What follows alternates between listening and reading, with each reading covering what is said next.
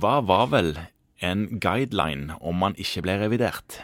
Nei, du kan så si. Ja, Så nå sitter vi jo her og biter oss litt i halen, for vi skal snakke om noe vi har snakket om før, kanskje til og med flere ganger, og det er noe som har med lunger å gjøre, og det er disse gold guidelines. Ja, For de har eh, oppdatert seg igjen. ja de, de kommer jo med en mindre revisjon hver høst.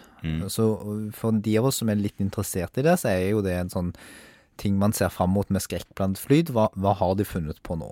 Er Litt sånn, sånn Oscar-nominasjonen Ja, for de som er interessert. liksom? for de som interesserer seg for det. Ja. Eh, nå skal det sies at gold er ikke en guideline. Nei, hva er det da? Det er et strategidokument. Ok, Eh, Og grunnen til at eh, Og det kan man godt si litt om, for grunnen til at de er nøye på det, og at Gina er nøye på det, og en del andre sånne store internasjonale organisasjoner er nøye på det Gina, Gina, ja. ja, hva er det? Det er for astma.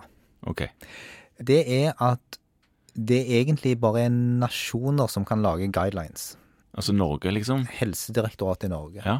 Og det er bare Helsedirektoratet i Norge som lager en retningslinje. Ja. Alle andre lager veiledere, handlingsplaner, strategidokumenter. Eh, Og det er fordi at i en retningslinje så må man ta inn lokale, samfunnsmessige og økonomiske hensyn. Ja, Det er veldig vanskelig når man skal gjøre noe for hele verden. det er sant, og gold gjelder hele verden. Gold gjelder hele verden. Ok, Derfor så skriver de òg det, at noen ganger at hvis penger betyr noe, så kanskje du skal gjøre sånn. åja, Og hvis du ikke har tilgang på dette, så kanskje du skal gjøre sånn. Og det er litt viktig å huske på.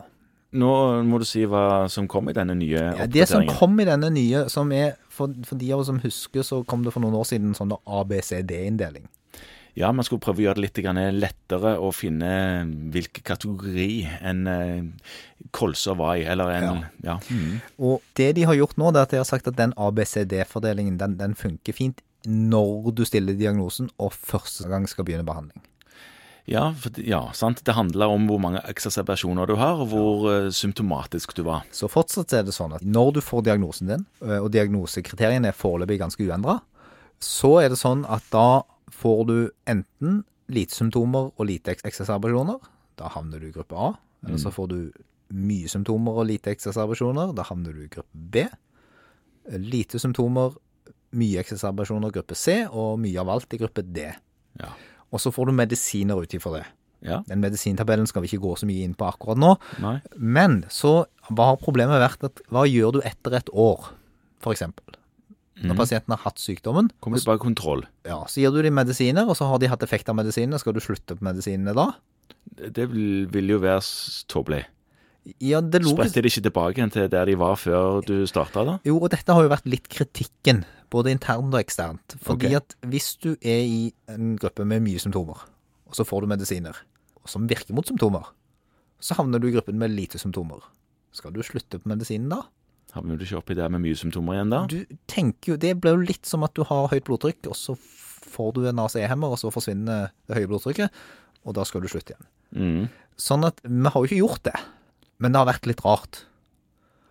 Så den nye guidelinen har i grunnen tatt inn i seg det. Og så har den sagt at etter at du har startet medisiner, så skal du vurdere pasientene på to ting. Enten er det symptomer som driver det, eller er det eksacerbasjoner som driver det. Og hvis det er symptomer som driver det, så skal du i all hovedsak gi de bronkodilatatorer. Og det er egentlig kun vits i å gi de langtidsvirkende bronkodilatatorer. OK. Poenget med å gi de korttidsvirkende bronkodilatatorer, det er nesten helt bortkastet For en kolser, ja. for en kolspasient. Mm. Sånn at da skal du gi de én, og hvis det ikke hjelper, så skal du gi de to. Og hvis det fortsatt ikke hjelper og de har mye symptomer, så får du lov til å vurdere å gi de inhalasjonsteroider, men det har egentlig liten effekt på det. Hvis det er forverrelsene som driver de, Eksacerbasjonene. eksacerbasjonene. Ja. Hvis de har to eller flere, eller har vært lagt inn på sykehus for det, så skal de vurderes for steroider. En kolser for steroider. Inhalasjonsteroider. Det har Ok. vist eksacerbasjonsforebyggende effekt. Nettopp. Og da skal du prøve det, og så skal du ta de til kontroll og vurdere om de fortsatt har eksacerbasjoner. Det er klart, Da må det jo gå noen måneder. Det er klart. Mm. Og hvis de har vedvarende eksacerbasjoner til tross for eh, inhalasjonsteroider, så kan du gi de såkalt trippel.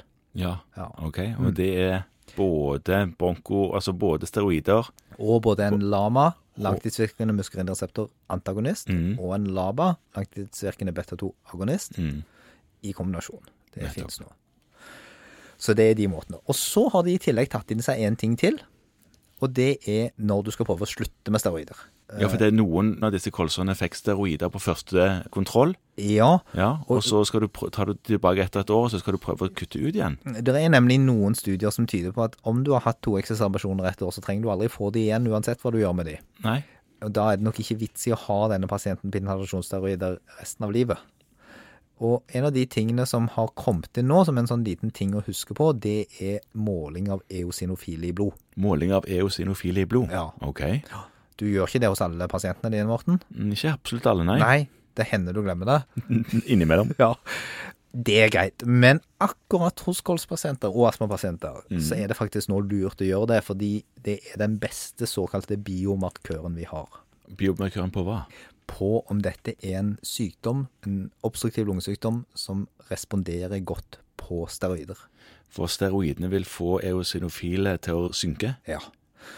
Det er veldig greit å ta en diff-telling og sende til sykehuset når du stiller diagnosen. Ikke veldig dyr prøve, og gir deg et ganske greit bilde av om eosinofile er høye.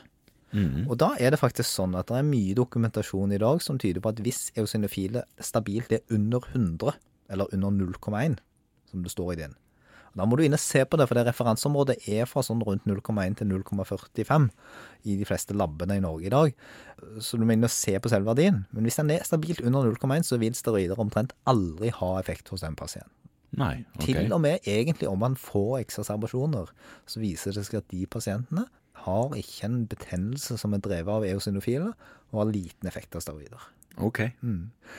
Hvis pasienten har eosinofile over 300, Eller 0,3. eller 0,3, som det vil stå i de fleste lavbark, så er det god grunn til at den pasienten skal ha steroider. Så hvis det er en som eksacerberer og har eosinofile over 300, så er det god grunn til å starte med inhalasjonssteroider. Nettopp. Så er det jo store spørsmålet hvis han aldri har hatt noe som ligner på en eksacerbasjon og har eosinofile over 300, det spørsmålet er nok litt mer uklart, men da er det iallfall trygt å avvente det litt. Grann. Ja, for det er ikke sikkert dette er en eh, Det er ikke sikkert han får mye eksacerbasjoner allikevel. Nei. Og da er det fortsatt diskutert om det er en effekt av å gi den mannen inhalasjonssteroider.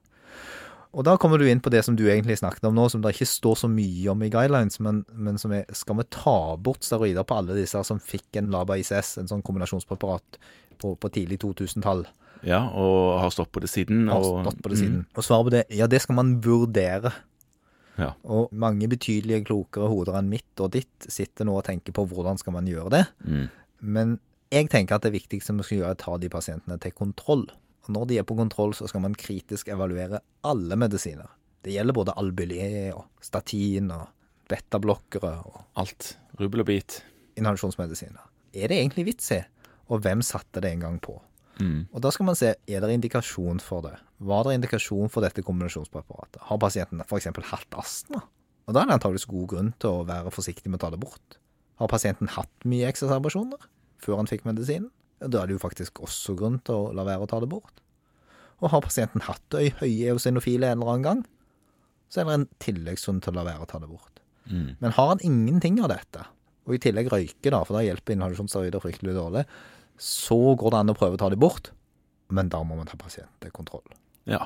Greit, så dette her var det som var nytt i de gold guidelines. Det var det eh, viktigste. var det viktigste. Mm. Så kan folk finlese hvis de vil utenom. Det står de veldig fri til. Hvis de gjør det, så er de ikke helt gode. Nettopp.